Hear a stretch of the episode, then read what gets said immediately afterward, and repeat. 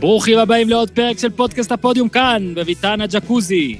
והפעם, סוף סוף, פרק על מייקל ג'ורדן.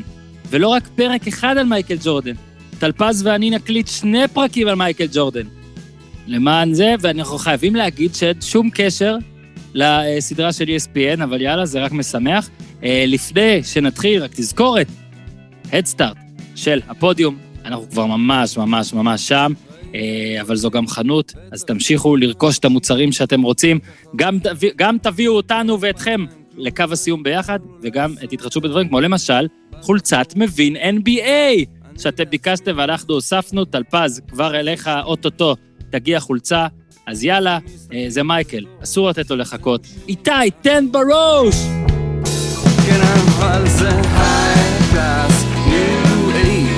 extra, extra large, my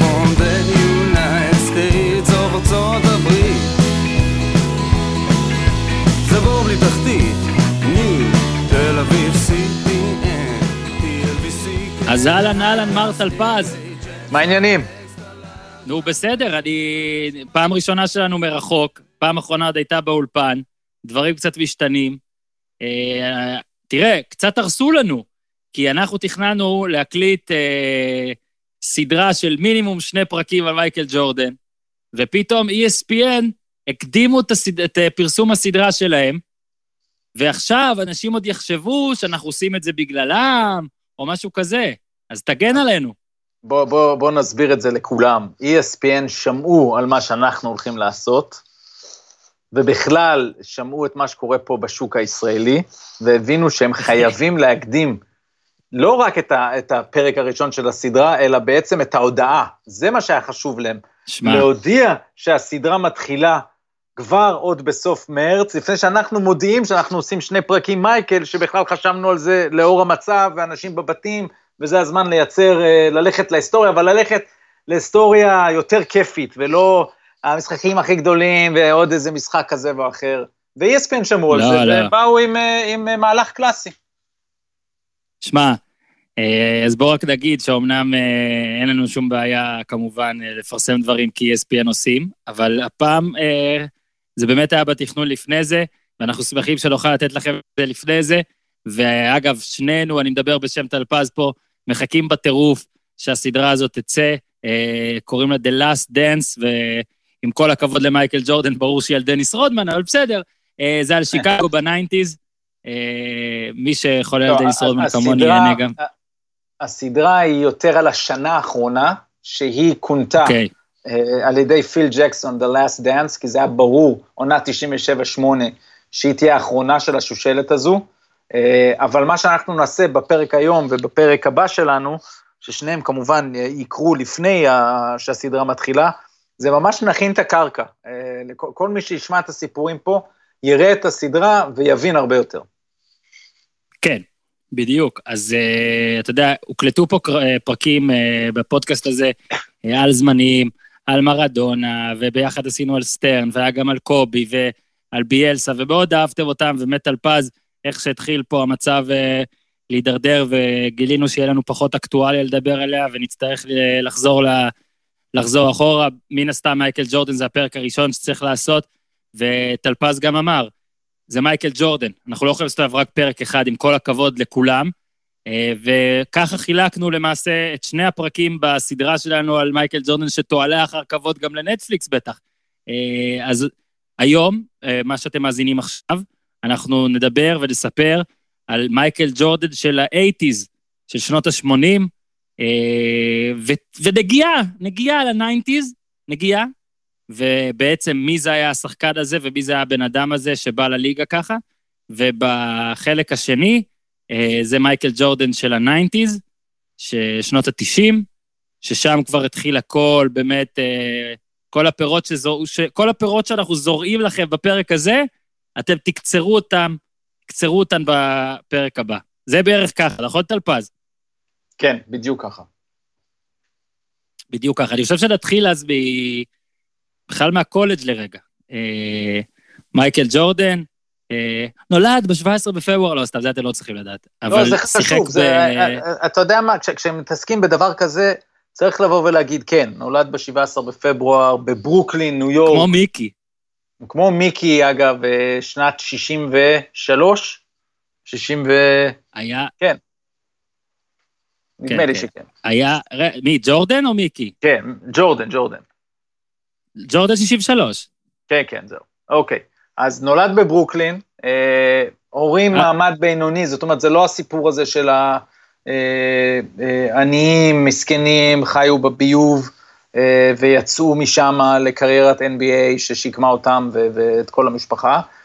אה, אבל עברו מהר מאוד לווילמינגטון, נורת קרוליינה, ובגלל זה עד היום הוא, הוא רואה את עצמו כנורת קרוליינה, וכמובן שהיום הוא הבעלים של שרלוט אה, הורנץ, שזה היה לו חשוב גם אה, בעצם לחזור הביתה ולהיות אה, הבעלים של הקבוצה במדינה בתוך ארה"ב, שממנה הוא אה, עשה את כל הילדות שלו. כן, והוא שם גם אה, קולג', UNC. אז רגע, רגע, רגע, יש את הסיפור של התיכון, גם חשוב בנגיעה. אז יאללה, אה, תן- תיכון. סי- סיפור מפורסם, שהוא אה, בשנה השנייה שלו בתיכון, התיכון בארצות הברית זה כיתה ט' עד י"ב, יש את מה שנקרא The Varsity Team, הקבוצה הבכירה, אה, שלרוב אה, מורכבת משחקנים מכיתות י' עד י"ב, אבל בוא נגיד העיקר זה י"א, י"ב, אה, כמובן כן. וזה סופר חשוב, כי הגדילה קורית שם לרוב הנערים, אז אה, מאוד משמעותי. מייקל בתור סופמור, זאת אומרת שנה שנייה בתיכון, אה, מנופה מהקבוצת הוורסיטי, אה, החבר שלו לירוי סמית אה, כן עושה את זה, זאת אומרת אה, באותו גיל, בכיתה י', כן מצליח להיכנס, אז ג'ורדן היה רק מטר שמונים, אה, ולפי כל הסיפורים, ואנחנו נבין אחרי זה שזו אגדה, ש, שמייקל בעצם אה, אה, הרבה פעמים מזין אותה, זה נתן לו את הכוח, את המוטיבציה, מאותו רגע להגיד לעצמו, אוקיי, זה לא יקרה יותר, אני אראה לו מה זה, אני אוכיח לכולם, וקודם כל הוא היה מצוין בקבוצה השנייה של, ה, של הצעירים יותר של התיכון, ואחרי זה, אה, שנה אחרי זה הוא גבה ב... כן. אה, עשרה 14, סנטימטר, 13 משהו כזה. סנטימטר, כן, ארבעה אינצ'ים, כן. אה, אז זה בעצם, סליחה, זה עשרה סנטימטר, ומהשנה שאחרי זה כבר היה מצטיין בתיכון, ואז קיבל לא מעט הצעות מקולג'ים בכירים, ובחר באחד הגדולים שבהם בתקופה ההיא, אם לא הגדול מכולם, דין סמית, המאמן של צפון קרוליינה, והצטרף ל program הכל כך יוקרתי הזה.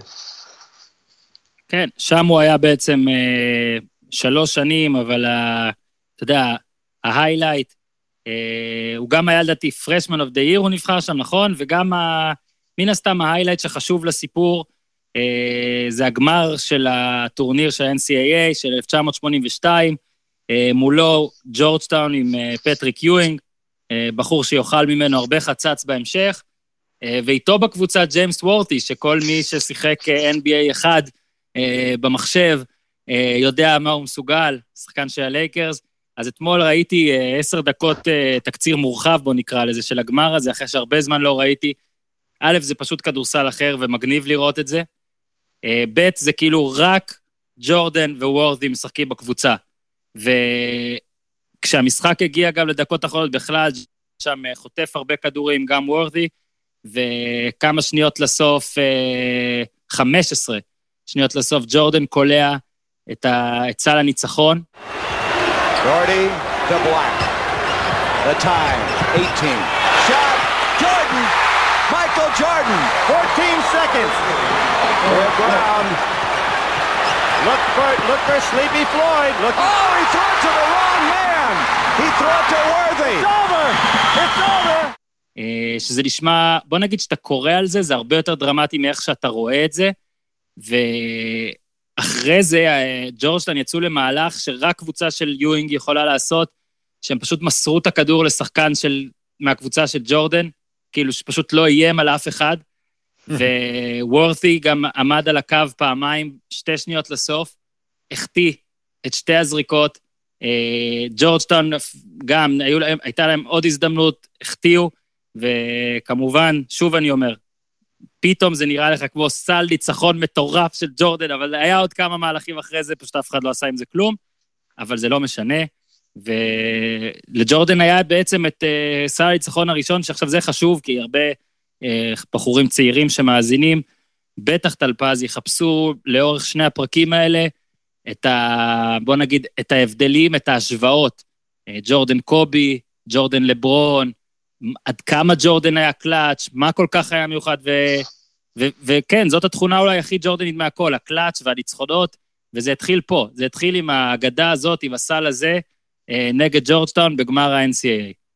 חד משמעי, ובואו נבין משהו, אה, ושוב, אנחנו בעונה נדירה שהספורט נעצר ואין את טורניר ה-NCAA, אבל הטורניר של המכללות הוא מהמצבים המלחיצים ביותר, באמת, ילדים בני 18, 19, 20, מגיעים לשחק בפיינל פור, בגמר, כשיש 60 אלף איש בתוך האולם, הם לוקחים בדרך כלל את האצטדיוני פוטבול הסגורים לאירועים האלו, אה, אז בוא נגיד בין 40 אלף ל-60 אלף, אה, מספרים של אה, פסיכיים של קהל, ובאמת כל ארצות הברית שמהמרת על כל הטורניר הזה, אז כולם גם יושבים לראות את הטורניר הזה.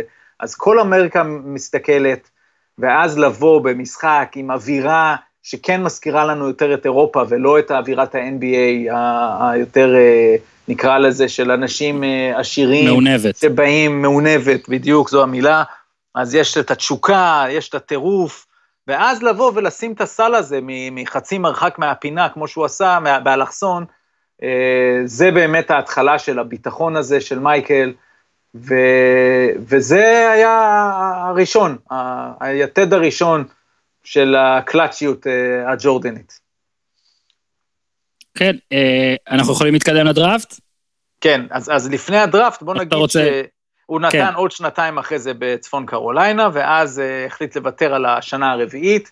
אז היום זה לא קורה, היום uh, אנשים במכללות ברמה של מייקל היו באים ומשחקים עונה אחת, ואז יוצאים, אז הרוב היו נשארים שלוש, ארבע שנים, הרוב אפילו ארבע, אבל מייקל, uh, ההחלטה, נועזת הייתה לוותר על השנה האחרונה, אה, ויתר על השנה האחרונה, ועוד לפני הדראפט, או יחד עם הדראפט, ידעו שיש את אולימפיאדת אה, לוס אנג'לס, המאמן הוא בובי נייט, עוד אגדת אה, מאמנים בקולג'ים, אוניברסיטת אינדיאנה רוב השנים, והוא המאמן של נבחרת ארה"ב, אז נבחרת ארה"ב משחקת עם שחקני מכללות, ולא עם המקצוענים, והם היו מספיק טובים לנצח את כולם. ג'ורדן וברקלי היו בנבחרת, בסגל הרחב, וברקלי כבר אז היה פה גדול, התחיל להיות חבר טוב של מייקל כבר באירוע הזה. בובי נייט היה המאמן הכי קשוח בתולדות הכדורסל, אולי הספורט בכלל, ושוב, הכל צבאי והכל קשוח. באחד הימים הוא מגיע עם לבוש קצת מצחיק, ברקלי צוחק עליו לפני כולם, ועם או בלי קשר, ברקלי מנופה מהסגל למחרת. מייקל עד היום, כן, היה מספר שהוא חושב שדין סמית עודד אותו ללכת לשחק אצל נייט בנבחרת, וצריך להבין, דין סמית היה גורו, הם לא זזו בלי לדבר איתו, אז גם מייקל כשקיבל את ההזמנה, מתייעץ עם דין סמית, הוא אומר, הולך לשחק שם, אז מייקל אומר, הוא אמר לי ללכת לשחק שם כדי שאני אראה כמה כיף להיות אצל דין סמית, אחרי הטיפול של אה, בובי נייט. אז אה, זה הסיפור מעולה. הזה, כמובן שנבחרת ארה"ב אה, הייתה מעולה, מייקל היה מעולה, אני אישית זוכר את עצמי, קם לראות אותם משחקים נגד ספרד, של פרננדו מרטין, זיכרונו לברכה, ונותנים להם 20 הפרש, נדמה לי, בגמר. מייקל היה מעולה, ו... כל זה הוביל לקראת, ושוב, בעצם במקביל וקצת אחרי הדראפט. The Chicago Bulls pick Michael Jordan of the University of North Carolina. So Michael Jordan, who right now is in Bloomington getting ready for the upcoming Olympics, and this man is a can't miss. ורק נגיד על הדראפט, צריך בעצם להגיד שם את הסיפור השלם. הקבוצה הראשונה שבחרה בדראפט הייתה יוסטון, אחרי זה פורטלנד, אחרי זה שיקאג. ויוסטון, אה, האיש שכולם ידעו כל העונה שהולך להיות הבחירה הראשונה, היה, אה, אז קראו לו אקים, לא חכים, אלא אקים, אה, אלאג'ואן, הניגרי, שבא לארצות הברית שלוש שנים קודם, אה, בקושי ידע לשחק כדורסל, התחיל מאוד בגיל מאוד מאוחר, והיה באוניברסיטת יוסטון, ו... אבל היה ברור שהוא יהיה הבחירה הראשונה לכל קבוצה שתבחר ראשונה, אה, וצריך להבין, ג'ורדן היה מצוין במכללות, אבל לא משהו שלא ראו. אה, קריירת המכללות של לא מעט שחקנים היו יותר טובות משל מייקל. ופורטלנד כן. בחרה שנייה, וכבר שנה לפני כן בחרה את קלייד דרקסלר, אתלט אדיר בעמדת ה shooting guard, אותה עמדה של מייקל ג'ורדן, והסיפור המפורסם שיש מההתלבטויות של פורטלנד במי לבחור, זה ג'ק רמזי, המאמן אה, של הטרייל בלייזרס, מתלבט בין אה, שחקן גבוה, סאם בואי, לבין אה, מייקל ג'ורדן, ומתקשר למישהו שכבר עבד עם מייקל, בובי נייט, כי הוא גם עקב אחריו במכללות והלך לאמן אותו בנבחרת ארה"ב, ושואל אותו מה כדאי לעשות. אז בובי נייט אומר לו, תקח את מייקל, אין שאלה בכלל. אז uh, ג'ק רמזי אומר לו, אבל תקשיב, יש לנו את קלייד דרקסלר על העמדה הזו, אנחנו צריכים גבוה, אנחנו צריכים סנטר. ואז בובי נייט אומר לו, קח את מייקל ג'ורדן ושים אותו סנטר. וזה סיפור שבעיניי הוא, הוא סופר משמעותי לחיים בכלל, לכל עמדה. אה, חברה צריכה מישהו ו... או, או רואה מישהו סופר מוכשר ובדיוק אין לה תקן, או יש לה מישהו שעושה את מה שהבחור הזה מוכשר בו, המוסר השכל הוא קח את הבן אדם המוכשר. קח אותו, והוא כל כך מוכשר שאתה אחרי זה תצליח אה, לשלב אותו, אתה תשנה את הסגנון, אתה תתאים את עצמך, ו... ואני תמיד אוהב לדבר על התאמה של שחקנים והכול, אבל לא כשמדובר ברמת כישרון אה, כזו. וזה בעצם מה שבובי נייט אה, אמר לפורטלנד, הם לא עשו את זה, הם לא שמעו לו, הם בחרו בסאם בוי, שבמכללות היה סוג של גבוה, אה, וצריך להבין גם את ההיסטוריה של פורטלנד, היה להם את ביל וולטון שהוביל אותם לאליפות ב-77, כגבוה שמוסר מדהים. ולצעירים כן. אה, שמכירים, וויצ'יץ', סבוניס, אז לפני זה זה היה וולטון, וגם סאם בוי היה כזה, גבוה עם, עם טאץ' טוב, הם בחרו בסאם בוי, ועד היום זה, זו נחשבת הבחירה הגרועה בהיסטוריה, כי הם מסתכלים על מה שהם פספסו, את מייקל ג'ורדן, שנבחר שלישי על ידי הבולס. כן, הם הצליחו לעשות את זה כאילו במוקטן קצת יותר, אתה יודע, עם דורנט, לא כזה מוקטן, כן. אבל זה לא מייקל ג'ורדן, אבל עוד דבר שאפשר לראות מפה זה שהרבה פעמים בחיים אתה מתקשר לבן אדם בשביל עצה, אבל אתה לא באמת מקשיב לעצה, זאת אומרת, אה, אתה מתלבט, ונותנים לך את הפתרון, ונותנים לך את הפתרון באגרסיביות, ואתה לא הולך עם זה, מה שאומר שלא באמת התקשרת לעצה, התקשרת כאילו רק ספר שאתה באמת מתלבט, אבל אתה כבר החלטת את מי לקחת, וזה גם נכון להרבה דברים בחיים. מסכים לגב, מאוד לגבי מה שאמרת, עם הכי מוכשר שיש, זה בכל דבר, זה בפנטזי פוטבול, עד באמת לכל ענייני עבודה. אה, לפעמים צריך אה, לא לחשוב יותר מדי. ומי שחושב יותר מדי, לפעמים פה נופל, ולדעתי זה ממש ממש מקרה של אה, של לחשוב יותר מדי. אה, צריך להגיד, סמבוי עשה אה, עונות אה, של דו-ספרתי בפורטלנד, 10, 11, 8, בעונה השלישית גם 16 נקודות, טוב, בעונה השלישית זה רק מעט מאוד משחקים, הוא כבר נפצע, אבל זה באמת, באמת קריירה... כן, באמת קריירה זניחה, באמת מזכיר את אודן, אגב, בקטע הזה. וזה מדהים שהם הצליחו פעמיים לפשל ככה, אבל כן, חשוב באמת להגיד, ואמרת את זה, הפיאסקו זה לא שג'ורדן הוא לא ראשון, הפיאסקו זה שהוא לא שני. ואתה יודע, אמנם אולג'ואן, ספוילר לשנות ה-90, הצליח לזכות באליפויות כשג'ורדן אולי לא היה, אבל uh, עדיין. לבחור את אולג'ואן זה לא fuck-up. לבחור את סם בוי זה fuck-up. לגמרי. זה, זה בדיוק ה... עכשיו, הדראפט... כן. רק, רק צריך להגיד, זה היה דראפט נהדר, שבאמת היה בו גם ברקלי שנבחר חמישי אחרי פרקינס רביעי, שגם פרקינס היה מ-UNC, ואני זוכר נכון. אה, סטוקטון נבחר 16, אה, ויש שם אה, כאילו עוד חבר היכל תהילה, ויש גם את אוטיס תורפ וקווין וויליס, זה אחלה דראפט, אחלה דראפט זה היה. אחד, אחד מהשניים או השלושה הטובים בהיסטוריה, אם לא הראשון. מהשלושה. יש כן. לך את 96, את 2003 ואת 84. אלו הדרפטים. כן. ופעם כשהייתי צעיר יותר והיה לי יותר זמן, הייתי ממש עושה מודלים של לנסות לתת ניקוד לכל אחד שנבחר, לפי כמות הפעמים שהוא הגיע ל...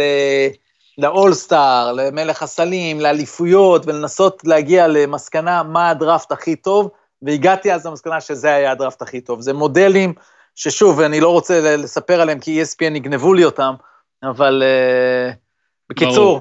דראפט היסטורי. היום גם מותר להם, אבל בואו רק נגיד שארבעה אנשים, היכל תהילה, קים, אה, ג'ורדן, ברקלי, סטוקטון, לארבעתם ישיב ביחד שבעה תארי MVP, 23, בוא נגיד, uh, All NBA, First Team, כאילו, 23 פעמים היו בחמישייה, חמישיית העונה, uh, 45 הופעות אולסטאר, uh, uh, כן, וכולם, כמו שאמרתי, All of Famers.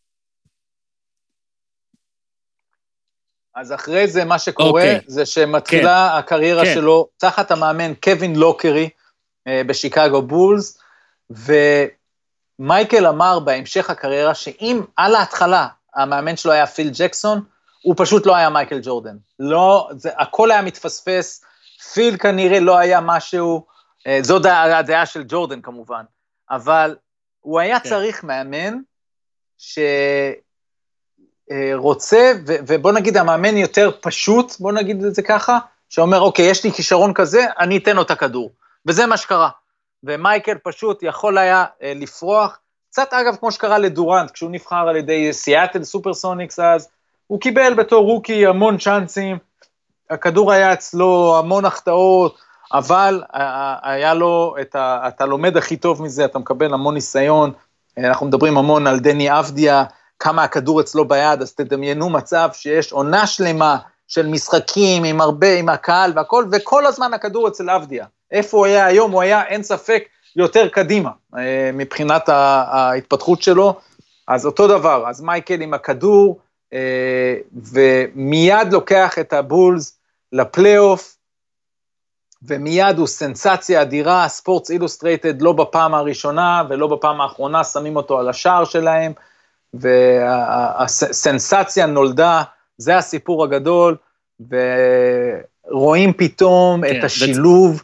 השילוב המדהים הזה של הכריזמה שלו מחוץ למגרש, איך שהוא כמו רקדן, זאת אומרת, הכל גם נראה כל כך טוב, והלשון בחוץ, לא, זה מהמשחק קופץ. הראשון, אגב, אני, אתה יודע, לאורך, לאורך הפרק הזה, את אלפז אנחנו גם, אפשר לתת uh, משימות צפייה, אז אם תראו, אם תחפשו את משחק הבכורה נגד הוושינגטון בולטס, אה, ותראו שם איך אפילו הלייפים שלו, כאילו האלמנט הראשון בקריירה, אלה שזוכרים את ג'ורדן של הניינטיז עם ה fadeaways והכל, אבל האלמנט הראשון זה באמת האתלטיות, ועוד לא רק הדנקים המטורפים, אלא גם השהייה באוויר, זה הסיפור, זה הכי מייקל של ההתחלה, באמת אתה רואה גם, אתה שומע כמה שדרים, פרשנים מתלהבים מזה. אה, אז אגב, אה, אולי עוד דבר שעזר לו, פרט למאמן הזה, זה גם שהוא באמת שיחק בחמישיות חלשות, שאז, אתה יודע, זה...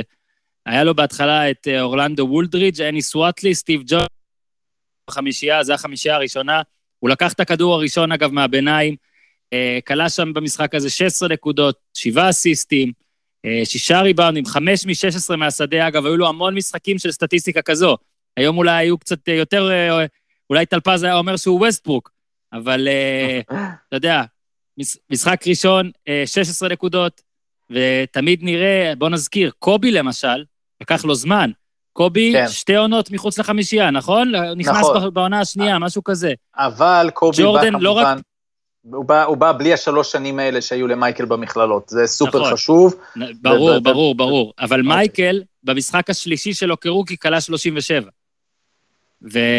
וזה, אני חושב שמה שצריך לחדד גם במה שאמרת ולהוסיף, אתה בטוח uh, תדע, כל השערים האלה, בספורטס אילוסטרייטד וכל היחס, אז זה היה קצת דבר אחר. זה, היום אתה מסתכל איך הספורטאים, כולם חברים של כולם, כולם מפרגנים לכולם.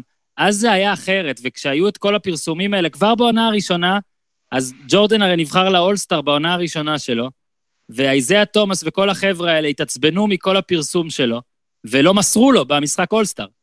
נכון. כאילו, אז, uh, קוראים לזה uh, פרוזים. בדיוק, אז זה נקרא the, the freeze out uh, game, ומייקל נכנס בסערה, מקבל את כל התשומת לב, ובואו נדבר על זה עוד פעם, שהליגה כבר מתחילה להתרומם בשלבים האלה. הכוכבים הגדולים באמת הם, הם לארי ומג'יק ג'ונסון, ו, ופתאום בא הילד הזה, וישר אה, מתחיל לקבל אה, כספים מספונסרים, מפרסומות, משותפויות, זה דברים שלא היו קיימים אז. השחקנים אז, רק המעטים היו עושים את המיליון דולר לעונה, אה, משכורת ברוטו, זה באמת היה קרב גדול על, על הכסף, על תשומת הלב. אז שער של מגזין ספורטס אילוסטרייטד היה אירוע שיא, היה את העיתון המקומי, היה, לא היה אפילו עיתון נשיונל, זאת אומרת, אתה גר בשיקגו, אתה קורא את השיקגו טריביון או את השיקגו סאן טיימס, ובניו יורק זה, זה הטיימס וה, וה, וה tabloids, אבל בקושי יש את מה שנקרא עיתונות ארצית, אין אינטרנט כמובן. ספורטס אילוסטרייטד, מגזין שיוצא פעם בשבוע ומגיע לבתים של אנשים. אה, ואז אם אתה בשער שלהם, כמו אז טיים מגזין וכל הדברים האלה, זה עושה המון רעש. אז מייקל עושה את כל הדבר הזה. Star is born. בדיוק, לגמרי. ו- ורק נגיד עוד דבר, את אמרת שהחמישייה החלשה, היא לא הייתה כל כך חלשה. מבחינת כישרון, אה, היה שם המון okay. אוקיי. כישרון בשנה הראשונה, זה אלה דברים שמייקל אמר, אבל איפה הייתה הבעיה? אה, אורלנדו וולרידג' למשל, שעשה, שהמשיך אחרי זה לעוד כמה קבוצות, ומי שלא זוכר אותו, מדובר באתלט מבחינה פיזית, בחור חזק, אבל אה, הייתה לו בעיית סמים. וכשאנחנו מדברים על סמים בשנים ההם, אנחנו מדברים על קוק, אה, זאת אומרת, זה סמים קשים, זה בלגן בלגן, זה משהו שמייקל התרחק ממנו כל השנים, אה, והוא לא היה רחוק מדברים אה, מעוררי מחלוקת שנגיע אליהם בהמשך, אבל מזה הוא לא התקרב, לא נגע, אבל הוא בא לשיקגו, משנה את כל תשומת הלב שלה, מבחינת כמות צופים, שהכל משתנה בעיר, מגיע האולסטאר הזה, uh, הוא מסיים אותו כמו לא מעט rookies, אבל הוא, דיברנו כבר קודם על מה שהיה בתיכון, הסיפור הזה של התחרותיות שלו, uh, זה חולני. זאת אומרת, זה לא איזה משהו אה, חמוד שאנחנו אומרים, אה, אנחנו, יצא לנו לדבר הרבה על קובי והממבה מנטלי, זה הכל ירושה של התורה של מייקל ג'ורדן. ומייקל היה כל הזמן מחפש את האתגרים האלה וזוכר כל דבר, ואנחנו ניגע גם בפרק השני, בנאום היכל התהילה שלו. זה נאום שאתה צריך להיות בו הכי מפרגן בעולם, אתה שנים אחרי שפרשת, אתה נעמד על במה, כל עולם הכדורסל מצדיע לך, והוא מתחיל שם בנאום הזה להזכיר את המאמן ההוא מהתיכון, ולזכור את אייזיה תומאס, ובאמת הזכיר כל דבר, מייקל זוכר את כל מי שפגע בו, אה, ניצח אותו וכולי, אז הוא לא סלח לאייזיה תומאס, בעצם אה, כל השנים, וזה עלה אחרי זה לאייזיה, אה, נגיע לזה גם, האם זה נכון או לא, אבל כנראה במקום בנבחרת ארה"ב לאולימפיאדת ברצלונה, בדרימטים המפורסם. כן, אז העונה הראשונה מסתיימת 38-44 מאזן שלילי, והם אה, עפים בסיבוב הראשון למילווקי. אה, זה גם צריך להזכיר, וזה הולך להיות נרטיב עכשיו, בטח בפרק הזה של האייטיז. אה, כל היכולת האדירה של ג'ורדן לא עזרה לו כשזה חשוב, ואנחנו מגיעים, בעצם, העונה השנייה, אין, אין המון מה להגיד על ההתחלה שלה, זו עונה אבודה. במחזור, ה... במשחק השלישי נגד גולדן סטייט, הוא שובר את הרגל, אה, חוזר רק אה, לקראת הסוף. מה שמדהים היה לי לפחות לגלות אתמול לפז, אה, כשקראתי עוד קצת על העונה הזאת, הבולס עלו לפלייאוף עם מאזן 30-52. נכון. רק שתבינו, ו... היו אז 11, אז, 11 קבוצות במזרח, שמונה עלו. עכשיו, מה שהסיפור החשוב להבין מהעונה הזו, בעצם יש שניים. לקראת סוף העונה הרגילה, ג'ורדן טוען, אני בריא. הקבוצה לא רוצה כן, שהוא לא יחזור. כן, לא רוצה שהוא יחזור. עכשיו, אם אתה מדבר על היום, אין ספק שהוא לא היה חוזר. load management, בן אדם בחוץ, בשבר רגל כזה של אה, עונה שלמה, לא מחזירים, לא שום דבר. מייקל כן, בוא, זה הטריף אותו. בוא רק נוסיף, אה, אה, כן? כן, נוסיף עוד כוכבית על פז. הם היו במקרה הטוב נגיד מקום שמיני, מקום שמיני זה נגד בוסטון מקום ראשון. בוסטון של 1986, במקום הראשון, זה כמו לחזור, אתה יודע שאתה מחזיר שחקן נגד גולדן סטייט של ה-73 ניצחונות. אוקיי, עזוב איך זה נגמר בסוף, אבל בוסטון 86, מדובר באחת הקבוצות הטובות בכל הזמנים, ועל זה לא מתווכחים בכלל. נכון, ואז הם אומרים, אנחנו מעדיפים לא להיות בפלייאוף, לבחור יותר גבוה בדראפט, אה, וגם בטח לא לסכן את אה, מייקל, אבל מייקל אומר, ממש נכנס לריב, ריב מתוקשר, זה הסכסוך הראשון שלו עם אה, ג'רי קראוס, גם כן לא הסכסוך האחרון, הבעלים ג'רי ריינסדורף, סיפור של ביטוח, הוא הולך לחוות דעת, בסוף הוא חוזר, משחק עוד בעונה הרגילה, ואז מגיעים לסדרת הפלייאוף מול בוסטון, ויש את המשחק הסופר מפורסם בגרדן, מייקל שם אה, פורץ עוד יותר, עושה עוד צעד בתודעה האמריקאית, כי זה בפלייאוף מול בוסטון, בגרדן המפורסם, והוא מלהטט שם, זה, זה פשוט לראות את, ה, את היוטיוב של המשחק הזה, מי שיכול, או highlights מהמשחק הזה, ו, ולראות משהו ש, שלא ראיתם. גם היום, תסתכלו על כל השחקנים, לא היה דבר כזה כמו מייקל ג'ורדן, ועדיין לא, לא, אין כזה. וכשרואים את, ה, כל... את התקציר של המשחק הזה, כבר מבינים. כבר מבינים מה שהוא עושה כן, שם, הוא. עולה למעלה.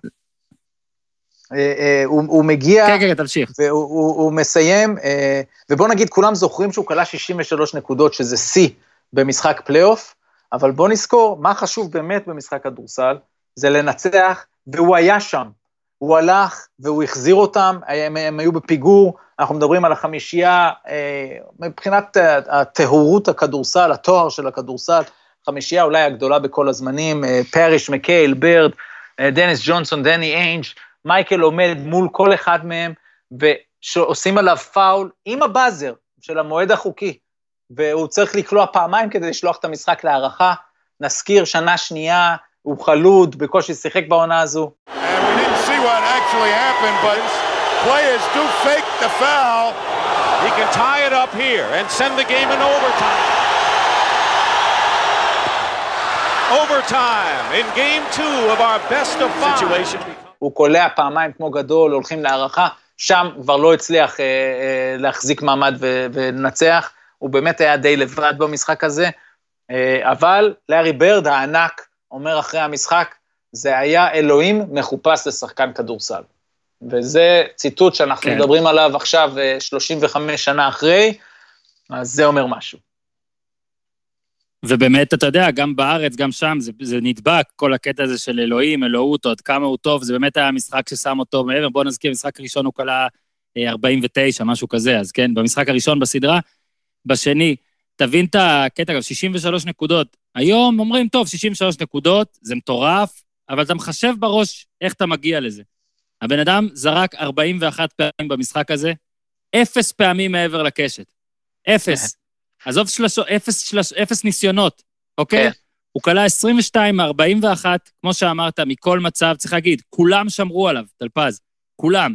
ואתה התחלת להגיד, אז בוא רק נגיד, לארי ברד במשחק הזה עם 36 נקודות, 12 ריבאונדים, 8 אסיסטים, מקייל 27-15, איינג' 24-5, פרי 13-9, דניס ג'ונסון 15-8 וביל וולטון מהספסל עם 10-15.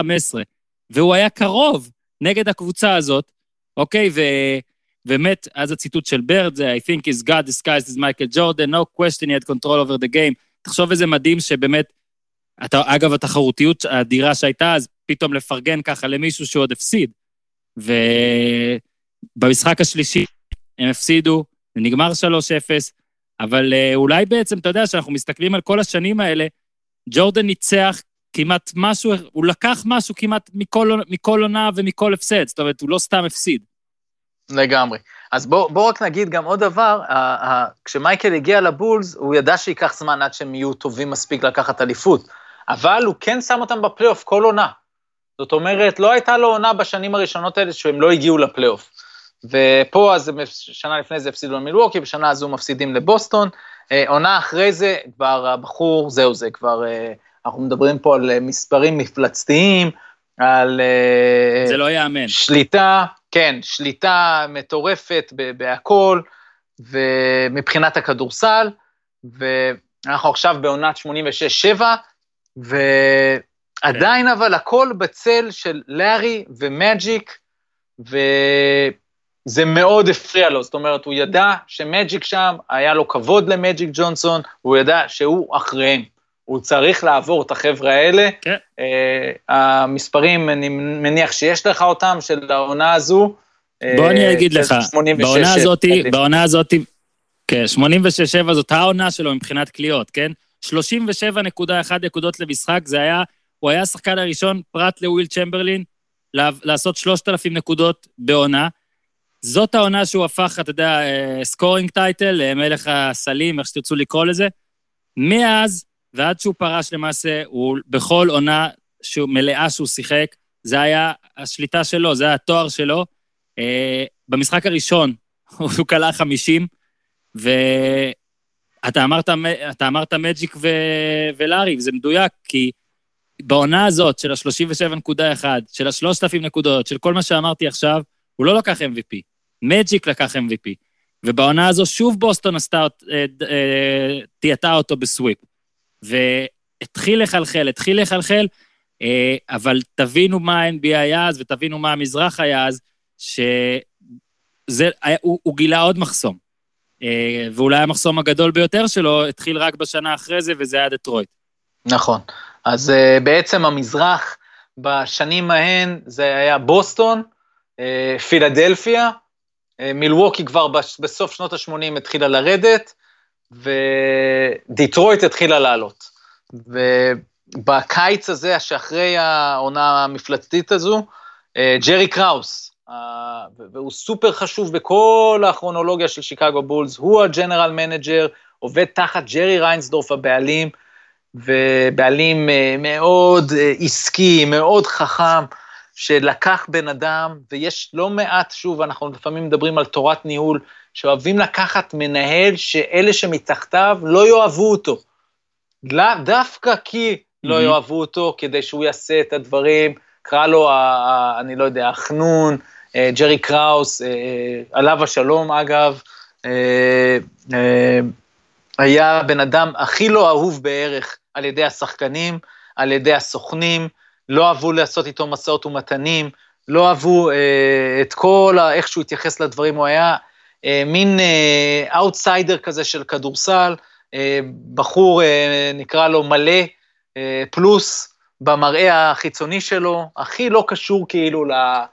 למסתכל היום על general manager כמו בוב מיירס של גולדן סטייט ווריורס, או אקס שחקן שאנחנו מכירים בכל כך הרבה דוגמאות, כמו דני איינג' בבוסטון, זה ג'רי קראוס מגיע ועושה שם, זו תקופה שלא רואים את הכל, הוא מגלה בדראפט, אה, מבחינתו סקוטי פיפן זה הדבר הבא, אף אחד לא יודע מי זה ממכללה קטנה בארקנסו, ושוב, אנחנו בתקופה אחרת שלא רואים הכל, והוא ממש הולך, ואצלו הכל היה אה, כמו אה, פ, אה, פעולה של המוסד, אסור שיראו אה, לאן הוא הולך, אה, אחרי מי הוא מסתכל, והוא קיווה שהסוד הזה של פיפן יישאר, אבל איך שמתקרבים לדראפט, בכל זאת יש כמה אירועים שמזמינים אה, שחקני קולג', ואז שאר הקבוצות מגלות את פיפן.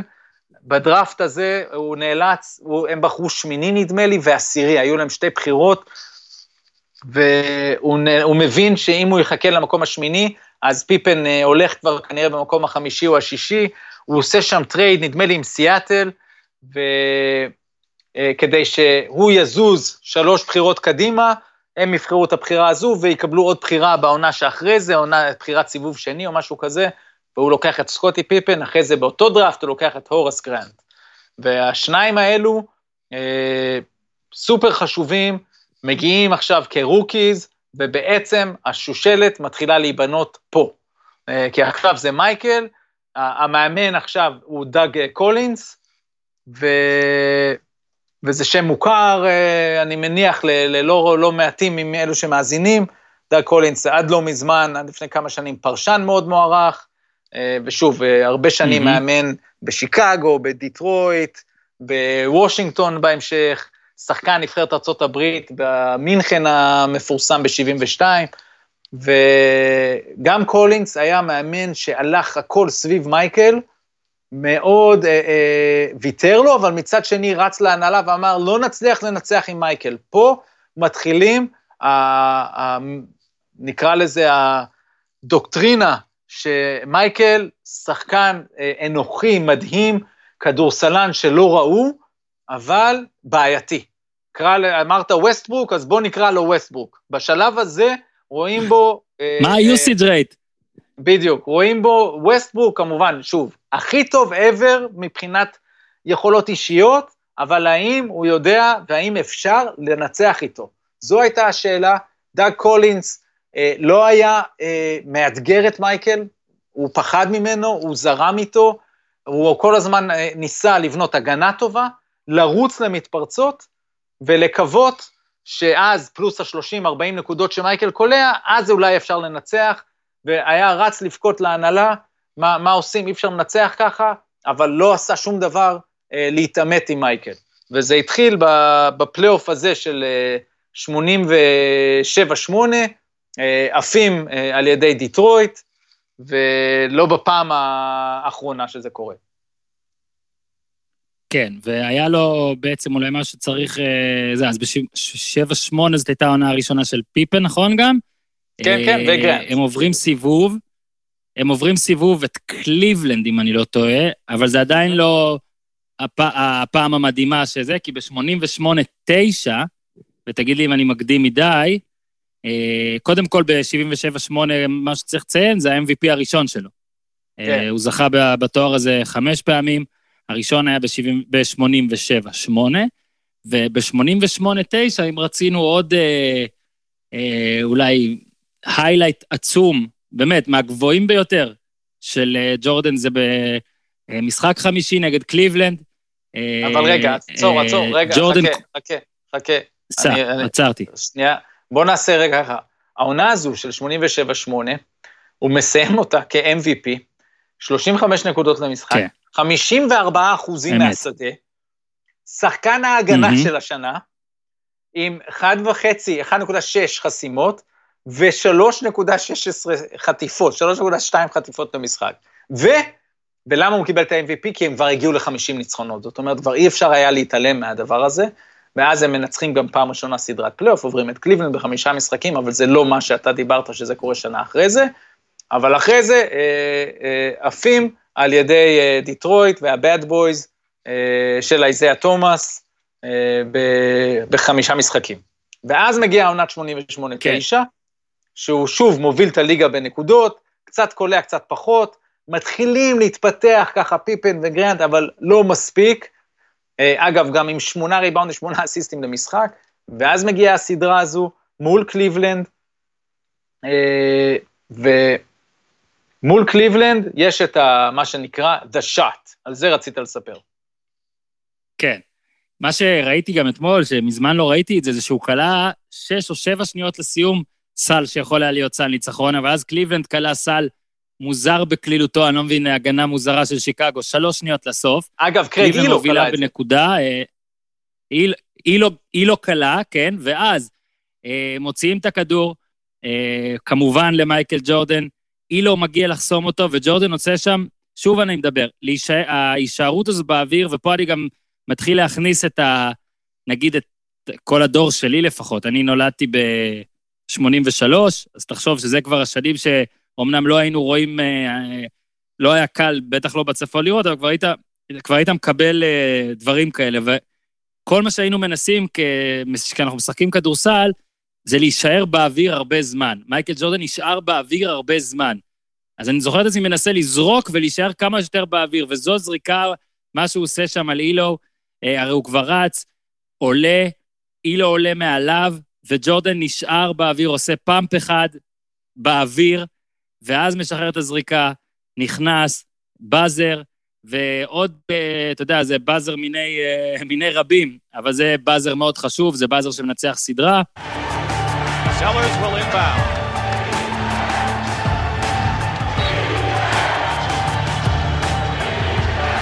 Sellers has Jordan. Jordan with two seconds to go, puts it up and scores at the buzzer. Michael Jordan has won it for Chicago.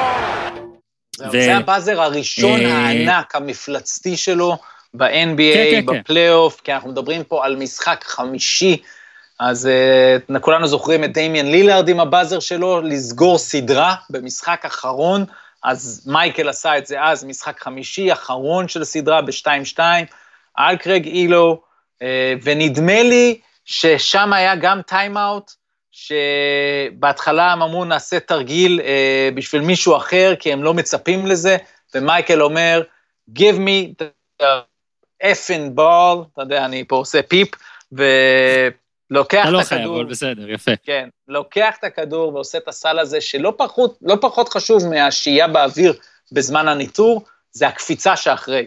הקפיצה של החגיגה כן. שאחרי. הכל כל כך נראה טוב אצל הבחור הזה, מהמראה החיצוני שלו, לאיך שהוא דיבר, לה, להכל. וזה כולל פה את האירוע הזה. נכון. למשל, כי, ואז יש כאלה שיגידו, טוב, הוא כלה סל ניצחון בשנייה האחרונה, ברור שהחגיגה שלו תהיה מרשימה. אז אני מפנה אתכם אל ג'ון סטוקטון מול יוסטון, והשלושה המעצבנת שלו, אה, אז מאוד מאוד אהדתי את יוסטון, הוא מאוד שבר לי את הלב, אז אולי אני לא אובייקטיבי, אבל בחייאת, ככה חוגגים, תראה איך אתה נראה, בן אדם. אז אצל ג'ורדן אין חגיגות רעות, הייתה חגיגה מדהימה. אה, אחרי זה, אם אני לא טועה, אה, עברו גם את הניקס, אבל אז שוב דטרויט. נכון, אז uh, לגבי מה שאמרת על ג'ון סטוקטון, בגלל שזה גם קשור לשיקגו, בפרק הבא, אני מבטיח סיפור אישי סביב הסל הזה של סטוקטון, וחזרה לא. פה, לא. פה לאירוע הזה, אז הם uh, מגיעים שוב לשחק מול הפיסטונס, והפיסטונס פה מכניסים את מה שקראו לזה The Jordan Rules, חוקי ג'ורדן. זה אומר הגנה סופר אגרסיבית, כל פעם שמייקל מקבל את הכדור, מייקל, הכדורסל שלו אז היה המון חדירות, לא אמרנו עוד דבר אחד, כשהוא נכנס לליגה, הוא לא אה, היה קלעי מעולה מבחוץ. הוא לא היה רע, אה, נגיד הוא היה יותר טוב אפילו מלברון כשלברון נכנס לליגה, אבל הוא גם לא היה קלעי מצוין, הוא היה חודר אה, מצו... מדהים, ופה בשנים האלה הוא כבר עשה הכל טוב, ובכל זאת, להיכנס לסל היה קטע קריטי בארסנל שלו, דיטרויט חיכתה לו עם double ו triple team ומכות, אנחנו מדברים על ליגה וחוקים שאז אפשרו הרבה יותר לשחקני ההגנה. דיטרויט קראו להם את ה-Bad Boys, וה-Bad Boys האלה אה, מרביצים לו, יש את, אה, ממש, תחפשו יוטיוב, Bad Boys, ג'ורדן, ואתם תקבלו שם דברים שאתם לא יכולים, אתם לא רגילים לראות. בכדורסל, כי זה כל כך לא קורה בשנים האחרונות, כבר 20 שנה כמעט שזה לא קורה. בעצם מאז הניקס של, סוף, של סוף שנות ה-90, אין את הקשיחות הזו, לא מרשים אותה, והוא קיבל את הטיפול הזה, ושוב שם אה, יוצאת התורה הזו, שהוא לא מספיק טוב אה, להפוך, להוביל קבוצה לאליפות, הוא לא עושה את האחרים לטובים יותר, והוויכוח הזה כל הזמן קורה, כי ברקע יש לארי ברד, שהוא סופר שחקן, פה כבר מתחילה ירידה מסוימת של בוסטון, כי דיטרויט עולה, אבל עדיין סופר שחקן קבוצתי, ועוד יותר ממנו מג'יק ג'ונסון בצד השני, שהדבר שהכי ייכתב על הקריירה שלו זה איך הוא עשה את כולם ליותר טובים. אז מייקל פה אה, מתחיל לחטוף ומתחיל להיות מתוסכל, למרות ההצלחה האישית שלו ולמרות השיפור בקווים שלהם, אה, זה עוד מתחיל לרדוף אותו, ובקיץ הם עושים שינוי, ולוקחים את העוזר מאמן, פיל ג'קסון, והופכים אותו למאמן הראשי. ביי ביי לדאג קולינס, מבינים כאן בהנהלה שעם קולינס אה, זה לא ילך. פיל ג'קסון היה מאמן, כמובן שחקן בניקס בשנות ה-70, וזה מאוד חשוב גם כי ג'רי ריינסדורף, הבעלים של הבולס, גדל על הקבוצות האלה של הניקס, של רד הולצמן, ששיחקו כדורסל הכי קבוצתי שאפשר, והוא כל הזמן אמר, כשהוא קנה את הבולס, אני רוצה שהקבוצה שלי תשחק ככה. ולכן הוא זכר את פיל ג'קסון מהימים ההם. אה, הוא בא להתראיין לתפקיד עוזר מאמן בבולס באמצע שנות ה-80, והוא היה קצת איש מוזר ו- ושונה, נגיד את זה ככה, על פיל ג'קסון, אה, מאוד בענייני יוגה, בא עם כובע מלא בנוצות וזקן אה, ברמה של ג'יימס הרדן, וסטן אלבק אז היה המאמן הראשי של הבולס, ואז הוא אמר לג'רי קראוס, אני לא רוצה אותו, ממש על החזות שלו, אה, בפעם הבאה, כשג'רי קראוס אה, קורא לו לראיון להיות עוזר של דאג קולינס, הוא כבר מתגלח הוא בא רק עם השפם, לובש חליפה. אה, זה היה רגע לפני שהוא ממש מחליט על שינוי כיוון בקריירה שלו, מתוסכל מקריירת האימון. אז פיל ג'קסון בא לאמן את, אה, את הבולס, אנחנו מדברים על עונת 89-90, וכשהמטרה היא להתחיל לראות איך מאלפים את מייקל ג'ורדן לצד פיתוח של שאר השחקנים. כן, ורק נגיד, דטרויד ניצחה אותם שם 4-2 ועברה אה, לנצח את הלייקרס בגמר 4-0. אה, וזה היה באמת עידן ה Bad Boys, הוא לא הסתיים אה, בשנה הזאת, אלא אוטוטו. ובעצם בשנה הזאת, אתה יודע, שיקגו שוב מתקדמת, אם אתה יודע, אנחנו מדברים על זה, קליבלנד תמיד עושה בראש, קליבלנד הייתה מקום שלישי בפלייאוף בעונה האחרונה שדיברנו עליה. שיקגו כאילו עשתה עליה upset, היא ממקום שישי ניצחה אותה, ופה, בעונה הזאת ב-89-90, אם תרצה להרחיב על העונה הסדירה אז uh, תרחיב, אבל uh, פה שיקגו כבר סיימה uh, במקום השלישי, uh, כבר הייתה קבוצה עוד יותר טובה, קפצה uh, עוד קצת. Uh, מייקל ב-89-90 עם 33.6 uh, נקודות, שבעה ריבאונדים, שישה אסיסטים, אה, צריך עוד דבר אולי להגיד, הכמות דקות שלו, אה, ב-87-8, 40.4 דקות במשחק הכי הרבה בליגה, ב-88-9, 40.2 הכי הרבה בליגה, אצל פיל זה טיפה יורד. זה ירד אמנם רק בדקה וחצי ממוצע, אבל הוא כבר לא, אתה יודע, זה קצת עשה שכל, אה, אחרי זה זה ירד עוד קצת, אבל זה התייצב בערך על הדבר הזה. אין יותר 40 וחצי, אין יותר 41, טיפה יש ירידה, ואולי זה גם מה שחתרת קצת בהתחלה להגיד, של מאמן שכבר מנסה לקחת את הדבר הזה שנקרא מייקל ג'ורדן, ולשים אותו בקבוצת כדורסל. נכון, אז קודם כל בעונה הזו, ה highlight של העונה הסדירה, משחק של 69 נקודות, שוב מול קליבלנד. אה, מייקל היה trash talker אה, אדיר, במשחק הזה הוא אומר לקרייג אילו בדיוק מה הוא הולך לעשות לו, ועשה לו את זה שוב ושוב ושוב. אה, והוא כל פעם אומר, אני. אני אעשה צעד אחד קדימה, ואז אני אעלה לג'אמפר, ואילו לא יכול לעשות כלום. אם הוא נצמד אליו, הוא פשוט עובר אותו, אם הוא לא נצמד אליו, אז מייקל עולה לכלי חצי מרחק.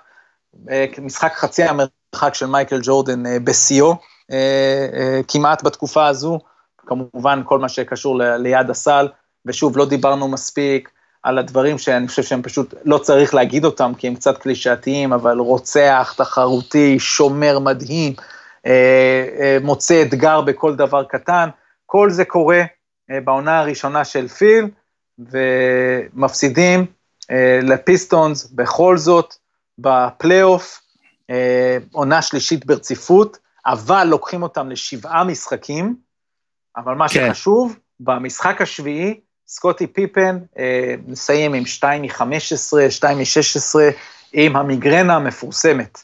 אה, לפני המשחק, חוטף מיגרנה, מבקש אה, אספירין, מקבל, זה לא עוזר, הוא טוען שזה רק עשה לו יותר גרוע, אה, ממש זומבי על המגרש, הם לא מסוגלים בדיטרויט לנצח כשסקוטי לא בשיאו, ומהמשחק הזה יצא המסר, שוב, מייקל אנוכי מדי, שחקנים לא אוהבים אותו, הוא לא מאמין בפיפן ובגרנט, שהם היו ההצלעות הכי חשובות אה, שלידו.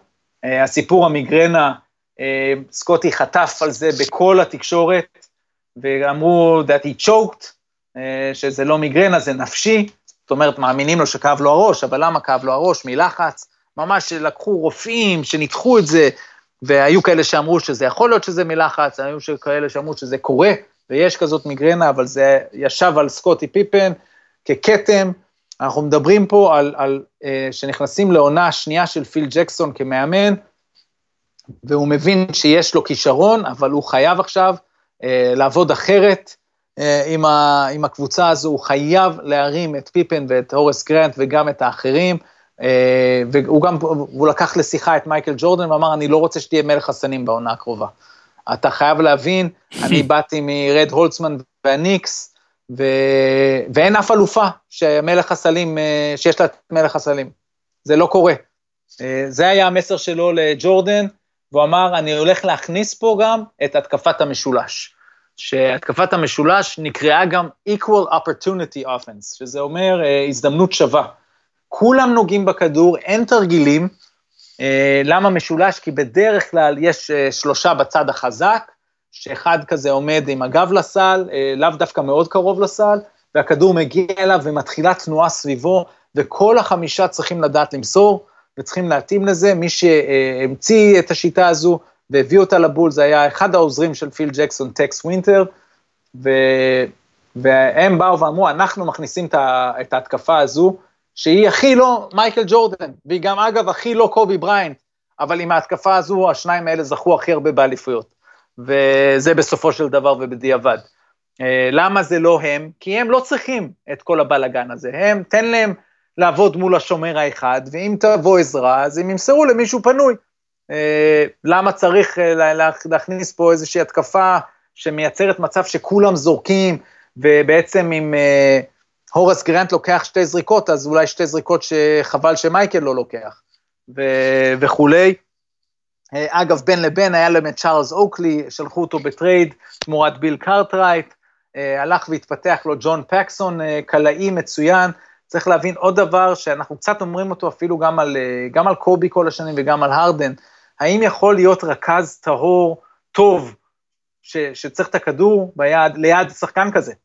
והתשובה גם אז על מייקל ג'ורדן הייתה לא, הוא לא יכול אה, לעבוד עם point guard דומיננטי, הוא צריך מין מישהו שיוביל את הכדור, אבל הוא יהיה יותר קלעי, כי בעצם מייקל הוא ה point guard. וכל הדיבורים האלה, כל זה קורה במהלך העונה הזו, אה, וכל הזמן סכסוכים. הקבוצה הזו, השחקנים, שנאו אחד את השני. ולא אהבו את פיל ג'קסון, זה לא פיל ג'קסון שאנחנו מכירים היום, שהוא המאמן המעוטר ביותר בהיסטוריה, זה מאמן קצת מוזר, ושחקנים שם לא קיבלו דקות ויצאו עם זה לתקשורת. מייקל נתן אגרוף לוויל פרדו, כי וויל פרדו היה הסנטר המחליף הלבן, הגמלוני, שג'רי קראוס הביא אותו, על אפם ועל חמתם של המון אנשים, אף אחד לא יודע מי זה, מה, מה אתה מביא פה, מי שזוכר איך וויל פרדו שיחק כדורסל, זה לא היה נראה טוב. הוא מהשחקנים שאם לא. אתה מביא אותו לאירופה, הוא לא עושה כלום. אה, וכולם שם, קראוס בראשם, קיבלו המון ביקורת, והכל אצל מייקל, גם סקוטי, כולם שם שנאו גם את קראוס, כי, כי הוא ייצג בפנ... עבורם את הקמצנות של הבולס, שבעצם הכל היה כמובן ג'רי ריינסדורף הבעלים, שתמיד שלח אותו להתקמצן על, ה, על השחקנים. אה, למשל, הם הביאו את קליף לוינגסטון אז מאטלנטה, והוא הייתה לו הצעה של שלוש שנים על אה, מיליון דולר לעונה מאטלנטה, ואז קראוס דיבר איתו ורבלית ואמר לו, אני אתן לך יותר, אה, אני לא יודע אם אני אתן לך שלוש שנים, אבל אני אתן לך יותר לעונה. אז הוא אמר לא לאטלנטה, אחרי זה עוד איזושהי קבוצה שדיברה איתו, הם אמרו לו, כשהם באו לדבר עם הבולס, אה, בעצם קראוס הבין, אטלנטה כבר החתימה מישהו, הבין שאין אף אחד שם שיכול לקחת אותו, ופשוט נתן לו 750 אלף דולר. כן, אין לברג', חזר בו מכל הסיכומים, אין שם מישהו, מתארים אנשים שיצרו אינטראקציה עם ג'רי קראוס, אחרי האינטראקציה הזו אמרו, לא משנה מה, אולי אני אמשיך פה, אבל אני בחיים לא מדבר עם האיש הזה. אז סקוטי פיפן היה בסוף חוזה, או לקראת סוף חוזה, אה, הראשון שלו, וכבר היה רק המשתכר השישי בקבוצה, אז הוא היה מתוסכל, ו, וגם פיפן הוא מגיע ממשפחה סופר ענייה, וכשהציעו לו חוזה לחמש שנים, אז הוא לקח אותו. אבל הליגה כל הזמן קפצה בכסף. אז אם אתה לוקח חוזה לחמש שנים, שאני חושב שזה היה חמש, שישה מיליון דולר לחמש שנים, משהו כזה, אז uh, זה נראה מצוין, כי אתה מסתכל, הנה, אני מבטיח לי שישה מיליון דולר, פיפן היה עם פרנויות, שהוא ייפצע, שהוא יגמור את הקריירה, 11 אה, אחים, משפחה ענייה, הוא רק רצה להבטיח את הכסף. אבל מצד שני, ברגע שהוא לא נפצע ועוברת עונה ועוד עונה, והוא נהיה יותר טוב ויותר טוב, הוא מתוסכל, הוא אומר, אני רוצה שיפתחו לי את החוזה, אז עוד היה מותר לעשות את זה, ולעשות re-negotiate, ולתת לו יותר, והוא רדף אחריהם. בקיצור, עונה שלמה שהקבוצה הזו מפסידה עדיין לדיטרויט בעונה הסדירה, אה, בכמה משחקים, מפסידה לכמה קבוצות טובות. הם מרגישים שמייקל ג'ורדן אה, אה, עושה מה שבא לו, לא סופר אותם, מתחיל להתראיין ולקרוא My Supporting Cast, ככה הוא קרא לשחקנים, השחק... הצוות המסייע. הוא אמר בראיונות, אה, ודיבר, כשהם היו מפסידים, זה לא היה, מבחינתו זה לא היה אני אשם, אלא לא הייתה לי ברירה אלא לקחת את המשחק עליי, כי אי אפשר לסמוך עליהם, ולכן הפסדנו בסוף, כי אני לא יכול לנצח לבד. זאת הייתה הגישה. אה, הוא מאוד אוהב גולף, הוא מאוד אוהב הימורים, הוא מתחיל לעשות את הדברים האלה בזמן הפנוי שלו. העולם כולו רוצה לנגוס בו, הוא הכוכב הכי גדול, הכי אה, תקשורתי, משווק, אה, פרסומות, אבל כל השחקנים, הורס גרנט, פיפן בראשם, אבל גם פקסון, קארטרייט, לא אוהבים אותו, והאינטראקציה, המזל שלהם זה שהיה להם את פיל ג'קסון, לנסות לנווט את כל הדבר הזה, כי צריך פסיכולוג, קודם כל, לנווט דבר כזה. כן, ואתה מדבר עכשיו, אנחנו כבר יכולים אולי להגיע ל-90-91, באמת, כאילו לפלייאוף. כן. אה, אלא אם אתה רוצה להגיד משהו על העונה הסדירה, אבל הם סיימו שם ראשונים במזרח. אה, שוב, אה, השיפור כן היה. זאת אומרת, לצד כל מה שאתה אומר שהיה מחוץ למגרש, וצריך להגיד, אגב, ה-NBA אז, זה היה כבר העידן שהוא טיפה יותר נקי אולי, טיפה, ממה שהיה 70's בטח, 80's וזה, אבל עדיין היה שם המון מהומות, ולא היו חסר, זה לא כמו, נגיד, כל מה שסיפרת עכשיו, אתה תספר את זה על אלופה של היום, על טורונטו של עונה שעברה, או על גולדן סטייט, אף אחד לא יאמין. אבל פעם זה ככה היה, זה היה הרבה יותר אגו והרבה יותר בלאגנים, וזה לא היה קבוצות חמודות כאלה כמו גולדן סטייט. נכון. אז זה היה, אתה יודע, זה היה ג'ונגל. זה, היה ג'ונגל, מסכים. לא, וקבוצות לקחו אליפויות לצד זה. זאת אומרת, נכון. אה, צריך להזכיר אולי עוד דבר שלא אמרנו, שב-77 ו-78, סתם שתבין, זה היה עדיין, שוב, אנחנו עכשיו 90-91, ג'ורדן, לצד כל מה שאמרת, אתלט ענק, ענק, ענק, זאת אומרת, האתלט. אה, גם זכה ב-87 ו-88 בתחרות ההטבעות, באחת פעמים הטביע מקו העונשין. אה, זאת אומרת שבאמת ג'ורדן, אה, כל הפרסומות וכל הדברים האלה כבר היו שם, ותזכרו, הוא טרם זכה בטבעת, הוא לא לקח טבעת, הוא לא לקח אליפות עדיין, אבל הוא היה הדבר הכי גדול שיש בספורט, ואז באמת מגיע הפלייאוף של 90-91, sweep על הניקס בסיבוב הראשון, 4-1 על פילדלפיה בסיבוב השני, ודטרויט מגיעים, ושוב, נעשה את זה רגע סרט אמריקאי. זה תומאס, זה כל המכות, וזה שלוש שנים רצוף של, אה, של אה, דטרויט דורכת על שיקגו. ואז שיקגו באה בסדרה הזאת, ואתה תרחיב מה שתרצה, אבל השורה התחתונה היא שהיא פשוט מפוצצת, מפרקת, מנפצת את דטרויט 4-0, סוויפ, אחרי שלוש שנות התעללות, בדרך לגמר. נכון, ומה שקורה זה שכל העונה הזו, פיל ג'קסון רודף אחרי הרצון שלו שהם ישחקו יותר קבוצתי, ושמייקל בעצמו יבין שהדרך היחידה שלו לקחת את האליפות היא אה, הבלנס הזה שבין היכולות שלו לבין השחקנים האחרים, שהם כל הזמן אה, מתלוננים שהם לא זורקים מספיק. פקסון לא זורק מספיק, הוא היה קלעי טהור אדיר, קארטרייט היה סנטר שעם משחק קצת מצחיק, קצת מוזר, מרפקים כאלה בולטים, אה, jumper אה, ב post-up אה, הרבה מעל הראש, אבל יעיל, לא מקבל את הכדור, השחקני הספסל, מייקל מתעמר בהם. אה, דניס הופסון, שהגיע אחרי זה לארץ, בחירה שלישית בדראפט, הגיע לבולס ב, ב, לפני העונה הזו, ופשוט לא הצליח להיכנס לרוטציה. וסטייסי קינג, שחקן מוכשר אבל עם נטייה להשמנה, אה, קיבל כל הזמן יחס רע ממייקל, שזאת הייתה הדרך שלו לייצר מוטיבציה, וגם, הוא גם לא התעסק יותר מדי במנהיגות שלו. זאת אומרת, זה היה מייקל אה, ג'ורדן של התקופה ההיא, והוא היה בן אדם אכזר. תמיד, ב- ב- ב- באתגרים שהוא יצר, באיך שהוא התעסק עם אנשים, הורס גרנט היה הבן אדם הכי אהוב בקבוצה הזו, אבל פיל ג'קסון אה, אה, ירד עליו המון.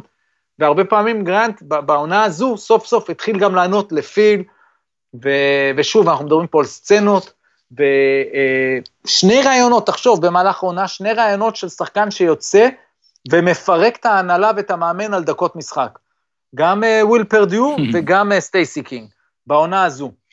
אגב, מאיפה אני יודע כל כך הרבה על העונה הזו? יצא ספר מפורסם, אה, של סאם סמית, אה, שנקרא The Jordan Rules, על שם אותם החוקים שדיטרויט פיסטונס קראו להגנה שלהם על מייקל, ו...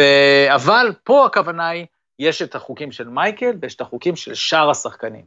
מייקל יכול להבריז כן. מ session media, והוא לא הלך לאולסטאר, זאת אומרת, הוא הגיע לאולסטאר, אבל תמיד באיחור, הוא אף פעם לא היה מגיע ליום של הראיונות, כי הוא רצה לשחק גולף. הוא היה כבר אז בשלב של מנצלים אותי, עושים עליי כסף, והוא צדק אגב, הליגה ברמה השיווקית, התקשורת שכל הזמן נכנסת לי לחיים, אני אוהב, אני אוהב תחרויות, מלשחק פינג פונג ועד גולף ועד הימורים אל תוך הלילה. הבן אדם היה יחיד. עם חיים הכ, הכי לא ספורטאים. החיים לא ספורט, היה, לא היה ישן בלילות, משחק קלפים, אה, שוב, לא ענייני סמים, לא ענייני אלכוהול, אה, אבל ברור שגם פה ושם אה, לקחת לגימה, ואז כל זה מגיע לתוך הסדרה של הפלייאוף, אה, באמת, לא אוהבים אחד את השני, מקנאים, ואמרת את זה, היום יש פשוט כל כך הרבה כסף ש- שיש מספיק לכולם, ואז זה לא היה. אז הייתה תחושה שיש עוד דבר אחד שמלווה את העונה הזו שלא אמרנו. ג'רי קראוס, אותו אחד כל כך שנוא, מסמן את טוני קוקוץ', שאז אנחנו הכרנו אותו ככוכב העולה הצעיר של ליגופלסטיקה ספליט, מסמן אותו ואומר, וזו תקופה ששחקנים מאירופה כמעט לא היו ב-NBA, היה דטלף שרמפ, שרונס מרצ'ולניס, זהו. אה, כשחקנים אה, שמשהו, מסמן את טוני קוקוץ', ובחוקי תקרת השכר הם רדפו אחרי קוקוץ', הוא נסע שלוש פעמים במהלך העונה הזו, לנסות לשכנע, כולל עם ג'רי ריינסוב, לנסות לשכנע את קוקוץ' לבוא בעונה הבאה לבולס, ולא הצליח לשכנע אותו, אבל זה השפיע על זה שהם לא יכולים לעשות עוד חוזה עם פיפן. הם לא יכולים, פיפן אמר, הקוקוץ' הזה, בגללו לא מעריכים לי ומשנים לי את החוזה. כנ"ל הרגיש הוראס גרנט. אפילו מייקל התעצבן, וקראוס ביקש ממייקל להרים טלפון לקוקוץ' לשכנע אותו לבוא, ומייקל סירב. הוא אמר, וכולל, הם, הם יוצאים לתקשורת עם זה, הם אומרים, אה, אה, רודפים אחרי שחקן באירופה שלא משלמים לשחקנים פה. אה, כל האווירה הזו הם מגיעים לפלייאוף, ובכל זאת בסדרה מול פילדלפיה, אה, מייקל לא טוב במשחק הראשון, והאחרים טובים, ובחדר הלבשה הוא אומר להם, תודה שחיפיתם עליי. וזו פעם ראשונה שפתאום הם קולטים שהוא מתחיל להאמין בהם. ובהמשך, מול דיטרויט, אה, עוד יותר הקבוצתיות אה, קורית, הורס גרנט אה, נהיה אה, הרבה יותר טוב ודומיננטי, אה, פיפן אה, מצוין, הם כבר לא צריכים את ה... זה לא רק מייקן עם הכדור, ואז בואו נראה מה יקרה, אלא יש להם עוד דרכים אה, לקלוע, ובאמת הם לא, מצליחים... הוא למעשה, גם, הוא למעשה גם מוסר, הוא מוסר יותר. אה, פתאום בסדרות האלה יש לו משחקים של תשעה אסיסטים ושנים עשר ושנים עשר ושלושה עשר פעמיים ועשר, אתה מבין, הוא, הוא פתאום סומך עליהם וגם הם, הם מנצלים את זה. נכון, ו, וזה הכל קורה בצורה אחרת בתוך המשחק, וזה לא רק, כי גם קודם היו לו אסיסטים, אבל פה זה לפעמים בתחילת המהלך, זה לא רק uh, בסיום, uh, כל הזרימה שונה. עדיין זאת עונה שיש בה קצת משולש, קצת התקפת משולש, ויש את הרגעים במשחק שמייקל אומר, אני מקבל עכשיו כדור בטופ, ואני מייצר את המצב. הם מנצחים 4-0 את דיטרויט, מעיפים את הקוף הזה מהכתפיים, מהגב, הפיסטונס יורדים מהפרקט מבלי ללחוץ להם ידיים. עכשיו אנחנו רואים NBA שנים, גם אז, עם כל הקשיחות שהייתה ב-NBA, סוף סדרה של גמר מזרח או גמר מערב, מתחבקים, מאחלים בהצלחה, לרוב אפילו הקהל של הקבוצה במזרח אומר, צועק להם beat LA, beat LA, אה, זה היה מפורסם, כי תמיד יצא LA מהצד השני, מהמערב, כן. אה, אז זה היה הקטע, אבל פה זה לא קורה, והפיסטונס לא מברכים אותם, פשוט יורדים מהפרקט שניות לפני הסיום, כל זה לא השפיע על הבולס, שמוציאים אה, אנחת רווחה גדולה. זה מה שהם כל הזמן רצו לנצח את הפיסטונס, עכשיו שהם שם, הם יודעים שהם רק צריכים לעבור את הלייקרס בסדרה אחת. זה לא רק, הלייקרס עדיין היו קצת פייבוריטים, אבל אה, הם הרגישו שהם קרובים, ו... כן, לייקרס בלי הליגה... קרים, בוא נזכיר, בוא נעשה. כן, תמשיך. כן, אמרתי, זה, זה לייקרס שהם כבר בלי קרים, לייקרס עם מג'יק, עם ביירון סקוט, עם סם פרקינס שהזכרנו קודם, עם ג'יימס וורת'י שהזכרנו קודם קודם, וולאד דיבאץ', אה, אגב, אירופים כסנטר. אה, אייסי גרין עוד היה אז אה, על הספסל.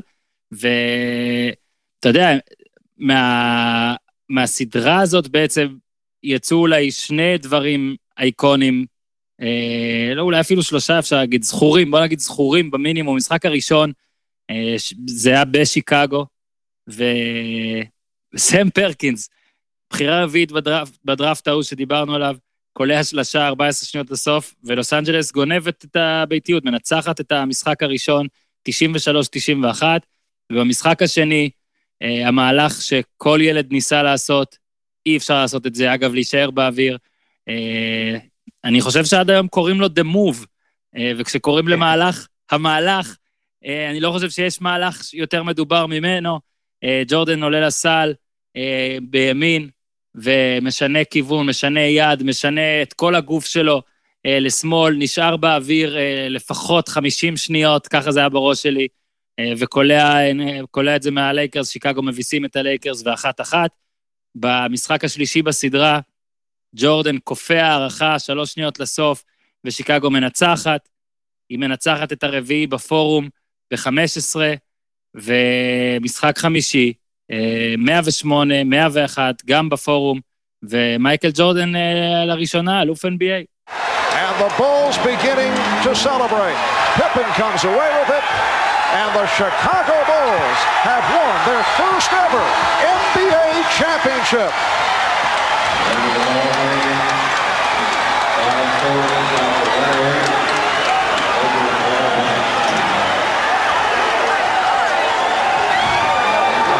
The Bulls greeted by a portion of this foreign crowd as they try to get back to their locker room.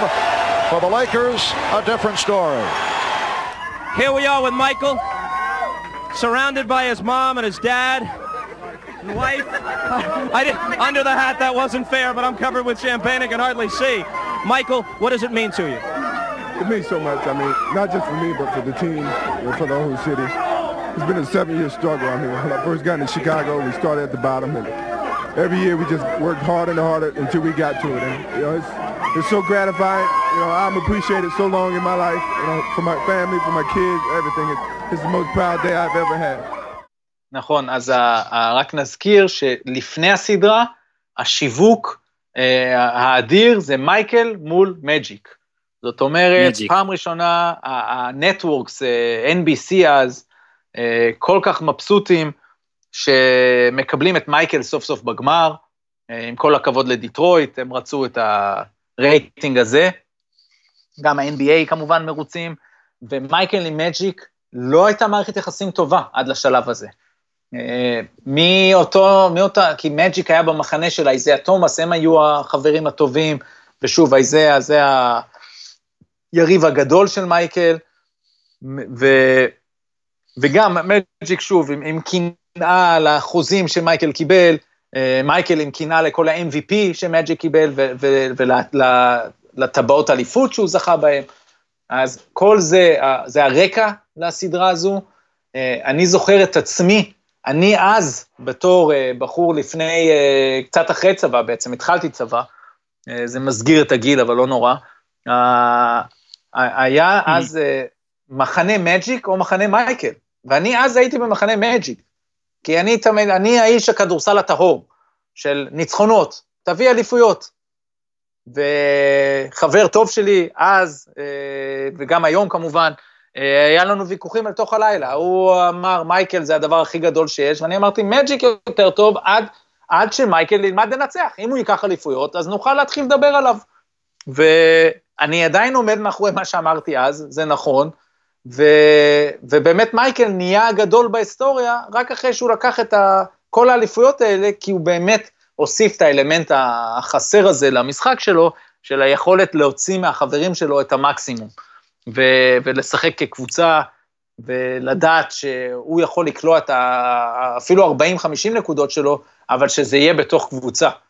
ולא עד אז, לא, אבל הנה, היה מקבל את הביקורת. במשחק, במשחק החמישי דווקא, מה ש... קודם כל דברים יפים להסתכל בבוקסור של אז. גם מייקל וגם מג'יק שיחקו 48 דקות. אה, גם פיפן אגב. אה, מייקל אה, היה עם 30, פיפן עם 32, פיפן עם 32 נקודות ו-13 ריבאונדים אגב, מג'יק עם שורה מטורפת של 16, 11, 20, 20 אסיסטים. אה, שוב, בסקור של 101, איזה מדהים זה. אה, וכן, ואתה יודע, זה, שם זה התחיל, וזה כזה מצחיק שכאילו, מצחיק. לקח זמן, זאת אומרת, שים לב, עשינו על זה פרק שלם, הגענו לזה בסוף. מן הסתם בפרק הבא יהיה, יהיו יותר מדי טבעות מכדי שנוכל לדבר עליהן אפילו, אבל לקח למייקל ג'ורדן אה, זמן לזכות באליפות הראשונה, זה שנת 91, הוא נולד ב-63, הוא היה בן 28, זאת אומרת, כמעט תשע אה, לאליפות ראשונה, שתבין בפרפרזה, כאילו, שאתה לוקח קריירה גם קדימה. אה, וזה, אני זוכר את ההתרגשות שלו אז, וכמה זה היה חשוב לו, וכמה, אז, איך אז, שיקגו אז... גם הגיבה. ומה שהיה חשוב פה, לא, לא, זה שבמשחק הזה, רבע האחרון, זה הרבע של ג'ון פקסון. ופיל ג'קסון mm-hmm. אה, נובח על מייקל במהלך המשחק בטיימאוט, ואומר לו, אה, בקטע שהלייקרס עשו ריצה, אה, הוא אומר לו, MJ, who is open? ואז הוא אומר לו, פקסון. אז הוא אומר לו, so get him the ball. ו... וזה היה הקטע, וברבע האחרון פקסון משחיד אחת אחרי השנייה, ופקסון היה שחקן של 300 אלף דולר לעונה, שבטוח שהם לא ירצו אותו אפילו לעונה הבאה, הוא משחק שם, הוא הרכז הפותח שלהם כל העונה, בקבוצה שמועמדת לאליפות, הוא יושב על 300 אלף דולר, כשפיפן וגרנט ואוכלים את הלב, והם בכל זאת עושים קצת יותר ממיליון דולר לעונה, הוא יושב שם וגם הוא אוכל את הלב כל העונה, ושומע שטוני קוקוץ' הולך להיות הרכז הפותח של הבולס בעונה הבאה.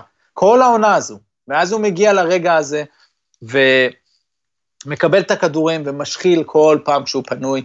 מי ששמר עליו זה מג'יק ג'ונסון, ועוד אחת מהסיבות שכשאתה עושה את ההשוואה של הגדולים ביותר, אה, מג'יק היה יותר סייפטי בהגנה, זאת אומרת, אה, שמירה אזורית של איש אחד. הוא לא נצמד לפקסון, הוא הלך לעזור על מייקל, אז מייקל מצא את פקסון שהעניש אותם שוב ושוב, ופיל ג'קסון שם מתואר, מתואר מהלך שם שממש בסוף, בקלאץ', שמייקל, היה שלב שמייקל מסתכל על פיל ומקבל ממנו אישור לעזוב רגע את המשולש ולעשות את מה שהוא רוצה. ומייקל הלך ועשה את מה שהוא רוצה, אבל מה שהוא רצה היה למצוא את פקסון. וכש, וכשפיל ג'קסון הבין את זה, הוא ידע שהם מנצחים את המשחק, והם באמת ניצחו, ו, ופה השינוי הגדול, פתאום מייקל מאמין בחברים, הנה באו גרנט ופיפן, באו לסדרות פלייאוף, הוא חשב מהשנים הקודמות שהם פשוט עושים במכנסיים בסדרות האלו, והם היו שם, והם עזרו, והייתה להם הגנה מפלצתית כבר, והשושלת התחילה. פה בשלב הזה כבר יודעים גם שהם הולכים לאולימפיאדה בשנה שאחרי זה, מייקל התלבט, אה, אבל אה, גם מג'יק ג'ונסון שכנע אותו, פה כבר היחסים שלהם מתחילים להיות יותר טובים, יודעים שהם, שהוא ופיפן הולכים לאולימפיאדה בשנה שאחרי, על כל זה אנחנו נדבר בפרק הבא, אבל פה זה ההתחלה, יש אליפות אחת, והסאגה אולי רק מתחילה. כן, ובוא נגיד שכטיזר לפרק הבא, אה, השם פקסון יוזכר. הוא היה, הוא היה פנוי שוב. בעוד פעם. נכון. בעוד פעם גורלית. ואחרי זה, התואם שלו, שזה סטיב קר, נכון, ו... גם יוזכר. עוד... יהיה שם עוד הרבה, ג'רי קראוס, פיפן, פיל ג'קסון, מייקל. קוקוץ'.